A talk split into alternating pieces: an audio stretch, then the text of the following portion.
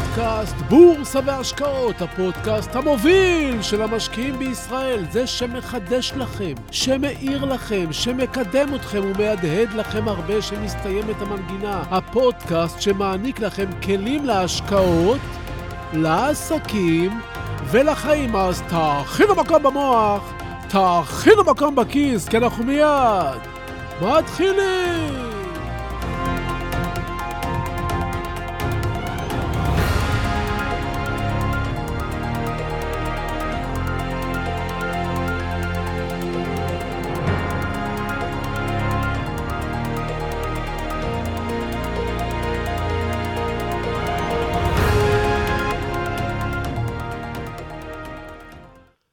פעם אחת, אי שם באפריקה, בכפר קטן, הופיע ביום בהיר אחד אדם לבוש בחליפה מהודרת, נועל נעליים מבריקות ועונד שעון נוצץ.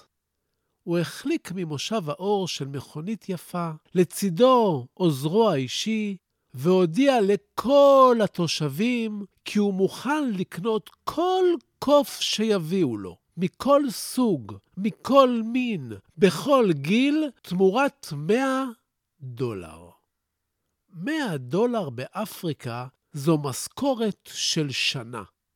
סכום מטורף. הכפריים, שידעו שיש קופים רבים בסביבתם, יצאו בהמוניהם אל השטחים העצומים, לעצים, לג'ונגלים, והחלו ללכוד קופים. איש העסקים שכר מחסן גדול והחל לקנות קופים. כל קוף ב-100 דולר במזומן.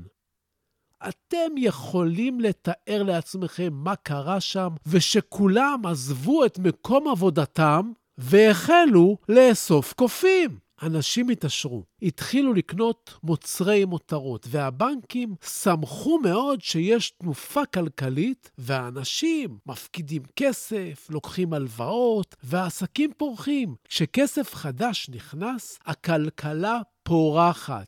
בגדים, מסעדות, מועדונים, וויסקי משובח, רכבים. החיים הטובים, אתם כבר יודעים למה אני מתכוון. כעשרת אלפים קופים ניצותו במהירות רבה. ואולם, אחרי כמה חודשים בהם כולם עסקו בציד הקופים, הצטמצמה אוכלוסיית הקופים עד כי קשה היה לאתרם. קופים נשארו רק באזורים מרוחקים, וכדי להגיע לשם היה צריך לשכור רכב. והתמורה בסך 100 דולר כבר לא הייתה כלכלית לשבעים שכבר אספו הרבה כסף. זרם אספקת הקופים ירד בצורה חדה. בדיוק אז חזר איש העסקים המהודר, שאת עסקיו במקום ניהלו כמה מעוזריו, כינס את תושבי הכפר ואמר להם שהוא מבין כי העסק של תפיסת הקופים הפך להיות קשה, ומעכשיו הוא ישלם להם 500 דולר במזומן עבור כל קוף. הופה, 500 דולר. זה כבר סיפור אחר. זריקת מרץ, אנרגיות, התרגשות. ושוב, כולם החלו לנסוע ולתפוס קופים. הכסף זרם, העסקים פרחו, תעשיית השכרת הרכב, המסעדות, המותגים, הכל גאה וגאה, אנשים הרגישו עשירים. ובאמת, לעומת מה שהיה לפני כן, הם באמת התעשרו. התושבים הצליחו לתפוס כ-500 קופים חדשים. אבל שוב, גם באזור המיוער, במרחק נסיעה, אוכלוסיית הקופים הידלדלה די מהר, וכמות הקופים ירדה עד ששוב הפסיקו רוב התושבים לצוד קופים ולחזור לגידולים החקלאיים. ואז שוב הגיע איש העסקים שלנו, והפעם הציע אלף דולר לקוף. אלף דולר! פי עשר מסבב גיוס הקופים הראשון, בו נתפסו עשרת אלפים קופים. וואו, זה כבר היה ממש שיגעון. אנשים לא הבינו איך, מה ולמה, אבל הם לא ממש התעניינו. הם הרוויחו טוב עד כה, שילמו להם, והמחיר של אלף דולר לראש גרם לכולם להסתחרר. אפשר להבין את זה. איש העסקים הודיע באותה הזדמנות שהוא טס לנסיעה של כמה שבועות לארצות הברית כדי לקדם את מיזם הקופים, והעוזר שלו, קלוד ימלא את מקומו. קלוד לא יוכל לקנות את הקופים, אבל התושבים יוכלו לתפוס את הקופים, וכשאיש העסקים יחזור, הוא ישלם להם אלף דולר עבור כל קוף. אמר ונסע. קלוד, שהיה מוכר וחביב על בני הכפר, הפיץ בשקט שמועה שהוא פנוי לעסקים מהצד. הוא הציע למכור קופים מהמלאי ב-700 דולר. הם ישלמו לו ייקחו את הקופים אליהם, וכשיחזור איש העסקים, הוא כבר ישלם להם אלף דולר, כפי שהתחייב. רווח של 300 דולר על כל קוף. קל, בלי לטפס על העצים, מבלי לנסוע, מבלי להתאמץ, 300 דולר לקוף מהערסל. התושבים החלו לקנות מקלוד את הקופים. את אותם הקופים שהם קיבלו תמורתם, 100 דולר הם קנו עכשיו ב-700. הם הוציאו חסכונות, לקחו הלוואות מהבנק, מינפו את כל מה שהיה להם וקנו כמויות קופים מקלוד. הם אספו קופים, השיגעון היה בעיצומו, והתור בחצר האחורית של קלוד היה ארוך ממספר הקופים בכלובים. אף אחד לא חשב. תאוות הבצע הייתה בעיצומה. אנשים משכנו את כל רכושם ולקחו הלוואות. 300 דולר רווח מבלי לעשות כלום. הם חייכו לעצמם. אושר. ואז, כאשר נותרו בכלוב של קלוד רק עשרה קופים בודדים, אסף קלוד את הכסף ונעלם לצמיתות. תושבי הכפר נשארו עם מניות, אה, סליחה, קופים שהם שילמו עבורם הרבה כסף, אבל איש לא היה מעוניין בקופים האלה. התושבים שילמו 700 דולר עבור קוף שהם מכרו לא מזמן ב-100 דולר. מה קרה כאן בשתי הקצוות האלה? מה גרם לאנשים האלה להאמין שהקוף, שהוא אותו קוף כבר אלפי שנים, שווה כל כך הרבה? אף אחד לא עצר לחשוב. פשוט כולם רצו להתעשר. עבור חלקם זה באמת עבד בהתחלה, וזו הסכנה הכי גדולה, שזה עובד בהתחלה. כי אם אתה מפסיד מיד, אתה עוצר. אבל כשאתה מתחיל להרוויח, אתה מתחיל לחשוב שאתה מבין, ובנקודה זו, חטא היוהרה ביחד עם הכסף מסובבים לך את הראש. לכל משקיע יש בחשבון הבנק כמה קופים שאיזה קלוד ואיש עסקים מכרו לו, כשהאמינו שמה שהם מכרו במאה שווה לפחות אלף. אז מה עושים? גם על זה רציתי לדבר איתכם היום. שלום וברוכים הבאים לפודקאסט בורסה והשקעות, הפודקאסט המוביל של המשקיעים בישראל, והיום נדבר על הקופים והרגלים, נדבר על השקעות, רעיונות וכמובן עוד דברים מפליאים, אז תהיו ממוקדים, תכינו מקום במוח, תכינו מקום בכיס, כי אנחנו מיד ממשיכים!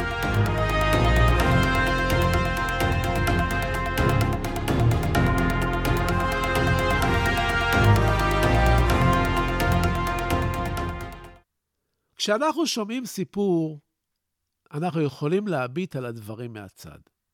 אבל אני לא מספר לכם סיפורים כדי שתצליחו להירדם טוב יותר.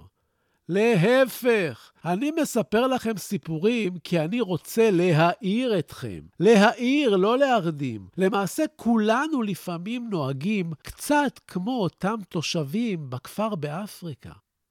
מגיע מישהו שמספר לנו שיעשו בקרוב כסף מתרופה, ממכונה, מפטנט, מתוכנה, ממוצר.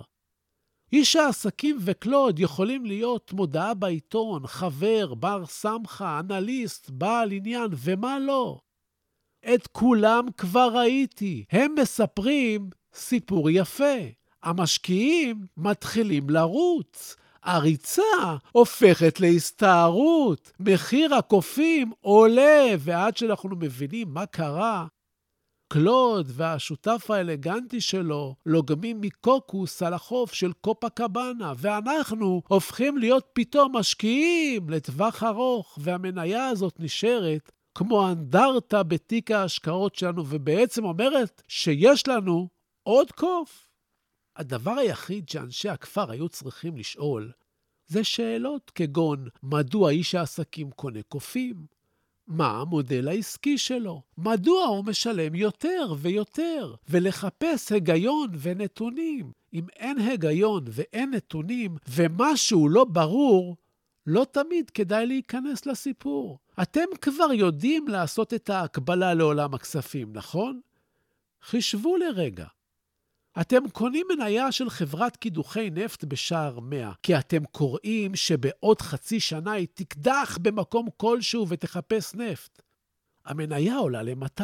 הרווחתם 100%, אתם מבסוטים ומוכרים. אבל הקידוח יחל רק בעוד כמה חודשים, ויש משקיעים חדשים שקונים, ואז המניה מטפסת ל-500, כי הקידוח ממש ממש קרוב, וכל מיני קלודים מספרים לנו שיש סקר שאומר שיש מרבצי ענק מתחת לאדמה, ואז אתם חוזרים וקונים ב-500 את מה שמכרתם ב-200, רק כדי לגלות אולי בהמשך שהקידוח לא כלכלי, וה-500 שלכם נעלמו. זה קורה עם מניות של חברות שמפתחות תרופות, עם מניות של חברות שמייצרות מכוניות חשמליות. זה קורה עם הרבה דברים שיש להם פוטנציאל למכור קוף באלף דולר. אז בפעם הבאה שאתם קונים פוטנציאל רק, תזכרו את סיפור הקופים. הבנתם. אם כך, אפשר לעבור לנושא השני שלנו להיום. אולי לא שמעתם על דייב בריילספורד, אבל היום נלמד שיעור מאוד חשוב בעזרתו. נבחרות של מדינות מתחרות בכל סוגי הספורט. ריצה, שחייה, קפיצה לרוחק, כדורסל, כדורגל וגם אופניים. נבחרת האופניים של אנגליה הייתה במשך מאה שנים נבחרת ללא הישגים. הם היו ברמה נמוכה, לא זכו במדליות, ומשנת 1907 עד שנת 1903 הם נכשלו לתפארת בכל תחרות. אנגליה זו מדינת ספורט, מדינה תחרותית. היא הייתה מעצמה לפני כמה עשרות שנים ובחלקים נרחבים מההיסטוריה. ובכל זאת, בתחרויות רכיבת האופניים, הם לא היו מוצלחים. מצב די מתסכל למועדון שלא מצליח להביא הישגים שנה אחרי שנה, הרבה שנים. הביצועים שלהם היו כל כך נמוכים, עד שהיו אפילו יצרני אופניים שלא רצו למכור לנבחרת אנגליה אופניים כדי שהמותג שלהם לא יהיה מזוהה עם כישלון. עד כדי כך המצב היה גרוע. אבל בשנת 2003 זה השתנה. דייב ברלספורד לקח צוות מאמנים ופירק את עולם הרכיבה על אופניים לחלקים, 100 חלקים. המוטו של דייב היה להתקדם בצעדים זהירים. צעד אחר צעד. צעדים כל כך זהירים, שלא ניתן אפילו לראות שינוי בהתקדמות של צעד זהיר. אבל ההצטברות שלהם מביאה לשיפור עצום בכל מה שנעשה. דייב וצוות המאמנים התחילו לטפל בדברים שנראו שוליים עד אז. הם עיצבו את מושב הכיסא של האופניים מחדש, כדי שיהיה נוח יותר. הם טיפלו בצמיגי האופניים בחומרים שונים כדי שיאחזו טוב יותר את הכביש. הם בדקו את הלבוש והתאימו לבוש לכל אזור רכיבה. הם דאגו לחימום של מכנסי הרכיבה על מנת שהשרירים יהיו תמיד במצב אופטימלי. הם ביצעו טיפול לשרירי הרוכבים לפני הרכיבה ולאחריה. הם דאגו לתזונה נכונה לפני התחרות ובזמן האימונים ובהתאוששות. הם דאגו לתנאי שינה אופטימליים לכל רוכב. החל מהתאמת הכרית והשמיכה והמזרן. הם דאגו לשמור על רמת היגיינה גבוהה כדי להימנע ממחלות אצל הרוכבים. הם דאגו שכלי הרכב שמסיעים את הרוכבים יהיו תמיד נקיים מאבק, לנשימה נקייה. דייב וצוות המאמנים שלו ביצעו הרבה פעולות קטנות בנפרד. כל אחת מהן לא נראית חשובה. אבל יחד, יחד הם הביאו לתוצאה אדירה. חמש שנים אחרי שדייב החל את התהליך בשנת 2008, התקיימה אולימפיאדת בייג'ין. נבחרת האופניים של אנגליה הגיעה וקטפה שש מדליות מכל עשר מדליות שחולקו בתחרות האופניים. 60 מהזכיות בכל התחרויות, כולל זהב, היו של אנגליה. אבל זה לא נגמר. ארבע שנים אחרי האולימפיאדה בבייג'ין, שברו רוכבי האופניים של אנגליה יותר מ-15 שיאים אולימפיים ושיאים עולמיים. זה מדהים. פשוט מדהים. משקיעים מחפשים קורס אחד, ספר אחד, מניה אחת, תוכנה אחת, משהו שיקפיץ אותם לעתיד, מהר, אבל הם מתאכזבים שוב ושוב ושוב, והם לא מבינים מה הקסם, מה הסוד. משקיעים חושבים ששיחה אחת או חמש שיחות עם מנטור תגלה להם את כל הסודות בבורסה או בנדל"ן או בעסקים או בחיים, אבל הסוד הוא פשוט. התוצאה שאנחנו מקבלים היום היא בסך הכל התוצאה של ההרגלים הקודמים שלנו. עד 2003, במשך עשרות שנים, נבחרת אנגליה התאמנה פחות או יותר באותן שיטות והגיעה לאותם הישגים גרועים. השווי של התיק הפיננסי שלנו היום הוא תוצאה של מה שלמדנו ועשינו עד היום. ההצלחה שלנו בבחירת ההשקעות היא פונקציה של מה שעשינו בעבר. זה כל כך פשוט, וזה עובד ככה בכל תחומי החיים. תחשבו על שיפור של אחוז אחד. הוא כלום, לא מורגש, לא נראה. תחשבו אם הייתם יכולים להתקדם בכל שלושה ימים באחוז אחד. בעולם הזה של שוק ההון, למשל. אחוז אחד בשלושה ימים. מה צריך לעשות? לקרוא עוד מאמר, לקרוא עוד ספר, להאזין לעוד פודקאסט, ללמוד עוד על חברות, ללמוד עוד על הפסיכולוגיה של המשקיעים, לכתוב לעצמכם יומן מסחר, לתעד טעויות והצלחת. אחוז אחד בלבד, בשלושה ימים. כמה פשוט זה נשמע. אחוז אחד בכל שלושה ימים יביא אתכם להיות טובים בשלוש מאות ימים, פחות משנה. רק אם תצמחו באחוז אחד בשבוע, בעוד שנה תהיו טובים ב-50% יותר. אחוז בשבוע, ברווחים ובכלל. תחשבו על קבוצת האופניים של אנגליה. הם טיפלו בצמיגים, בהיגיינה, בלבוש, בתזונה, בכיסא, בשינה, בבריאות, בשרירים, ושברו שיאי עולם. העניין פה הוא בעיניי לא רק שיפורים קטנים. ולא רק ההרגלים, אלא גם מחשבה על הפרטים הקטנים ויצירת סביבה אידיאלית. כשחשבו על הספורטאים, גם יצרו עבורם תנאים מתאימים. ואולי גם בפן הפסיכולוגי עזר להם שמאמינים בהם, שחושבים עליהם, שיש למישהו תוכנית עבורם. וגם אלוהים. אלוהים נמצא בפרטים הקטנים. גם אתם יכולים לעשות את זה, ובכל תחום ובפרט בהשקעות, שזה עולם ומלואו של לימוד עצמי. פתאום תקפצו מדרגה, תעלו שלב. שיפור הוא תהליך אינסופי. מטרה שהשגנו היא רק אבן דרך למטרה הבאה. לאלה שמצליחים ולאלה שמפסידים, יש אותה מטרה. הם רק פועלים בצורה שונה.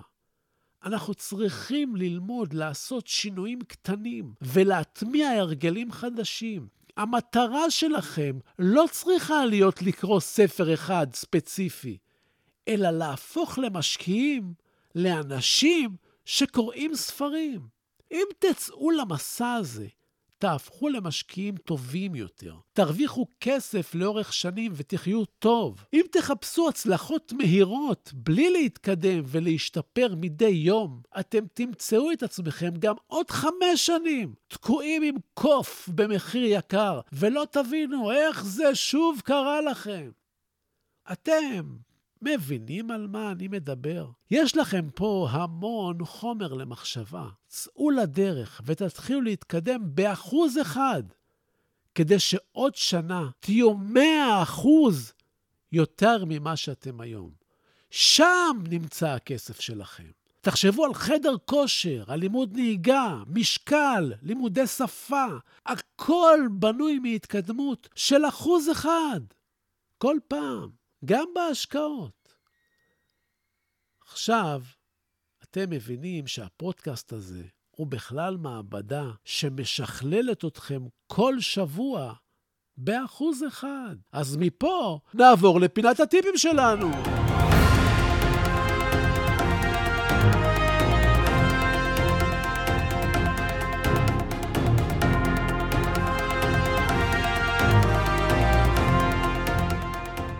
הטיפ שלי להיום מדבר על נושא הנדל"ן. נדל"ן זה עולם מאוד מעניין בתחום היזמות, אבל מצד שני, בעולם של רכישת נכס, כמו דירה או משרד להשקעה, יש לא מעט דברים שצריך לקחת בחשבון שאתם רוצים לדעת באמת מה התשואה שתקבלו. בהנחה שיש לכם כבר דירה למגורים, אם קניתם דירה להשקעה, תמיד תזכרו שיש לכם על מחיר הדירה 5% מס רכישה שלא יחזרו אליכם, שכר טרחה של עורך דין, דמי תיווך, שיפוץ, ימים בהם שהנכס לא מושכר, בין עזיבת דייר ועד כניסת דייר חדש, פרסום הנכס, רענון הנכס, ובכל פעם שדייר עוזב צריך לסדר את המערכות. יש בלאי טבעי במערכות השונות. אתם עושים חשבון, קניתי נכס במיליון, השכרתי ב-4,000 לחודש, זה כמעט 5%, אבל שתדעו שבפועל זה הרבה פחות. מה שכן, אם קניתם בתקופה טובה או קניתם נכס במחיר מציאה,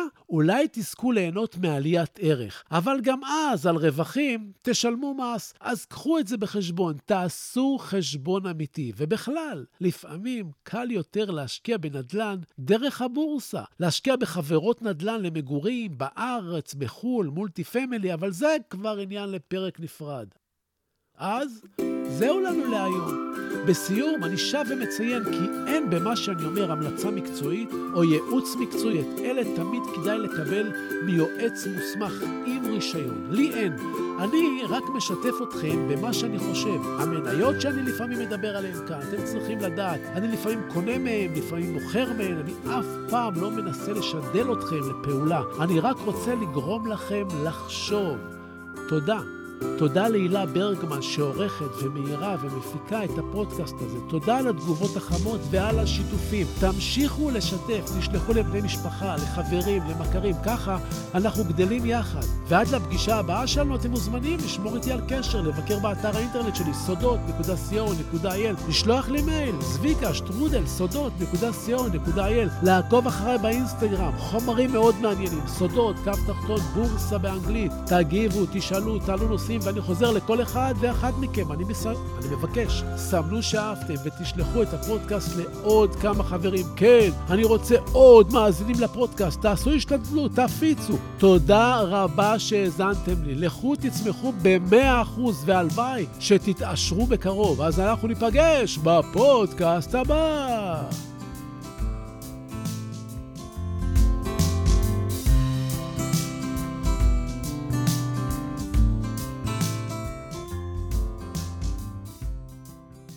נאום ההכתרה של נלסון מנדלה. הפחד העמוק ביותר שלנו אינו מפני חוסר היכולת. הפחד העמוק ביותר שלנו היא הידיעה שעוצמתנו אינה ניתנת למדידה. האור ולא הצל, האפל שבנו, הוא שמעורר בנו חרדות. כל אחד מאיתנו שואל את עצמו, מי אני שאוכל להרשות לעצמי להיות כל כך מבריק, מקסים, מוכשר ומאושר. למעשה, מי אתה שתרשה לעצמך לא להיות כזה? אנחנו ילדים של אלוהים. כשאנחנו בוחרים לשחק את המשחק הקטן, אנחנו לא משרתים את העולם. אין שום דבר נאור או מואר בצמצום האישיות שלנו, רק כדי שאנשים ירגישו נוח בחברתנו. נולדנו כדי לממש את הקסם האלוהי הגדול בנו, הוא לא גלום רק בחלק מאיתנו. כל אחד מאיתנו נושא את הקסם הזה בתוכו. כאשר אנו מרשים לאור הפנימי שלנו לזרוח באופן בלתי מודע, אנו מאפשרים לאחרים לעשות את אותו דבר כאשר אנו משתחררים מהפחדים שלנו. הנוכחות שלנו משחררת אחרים. נלסון מנדלה, 1994.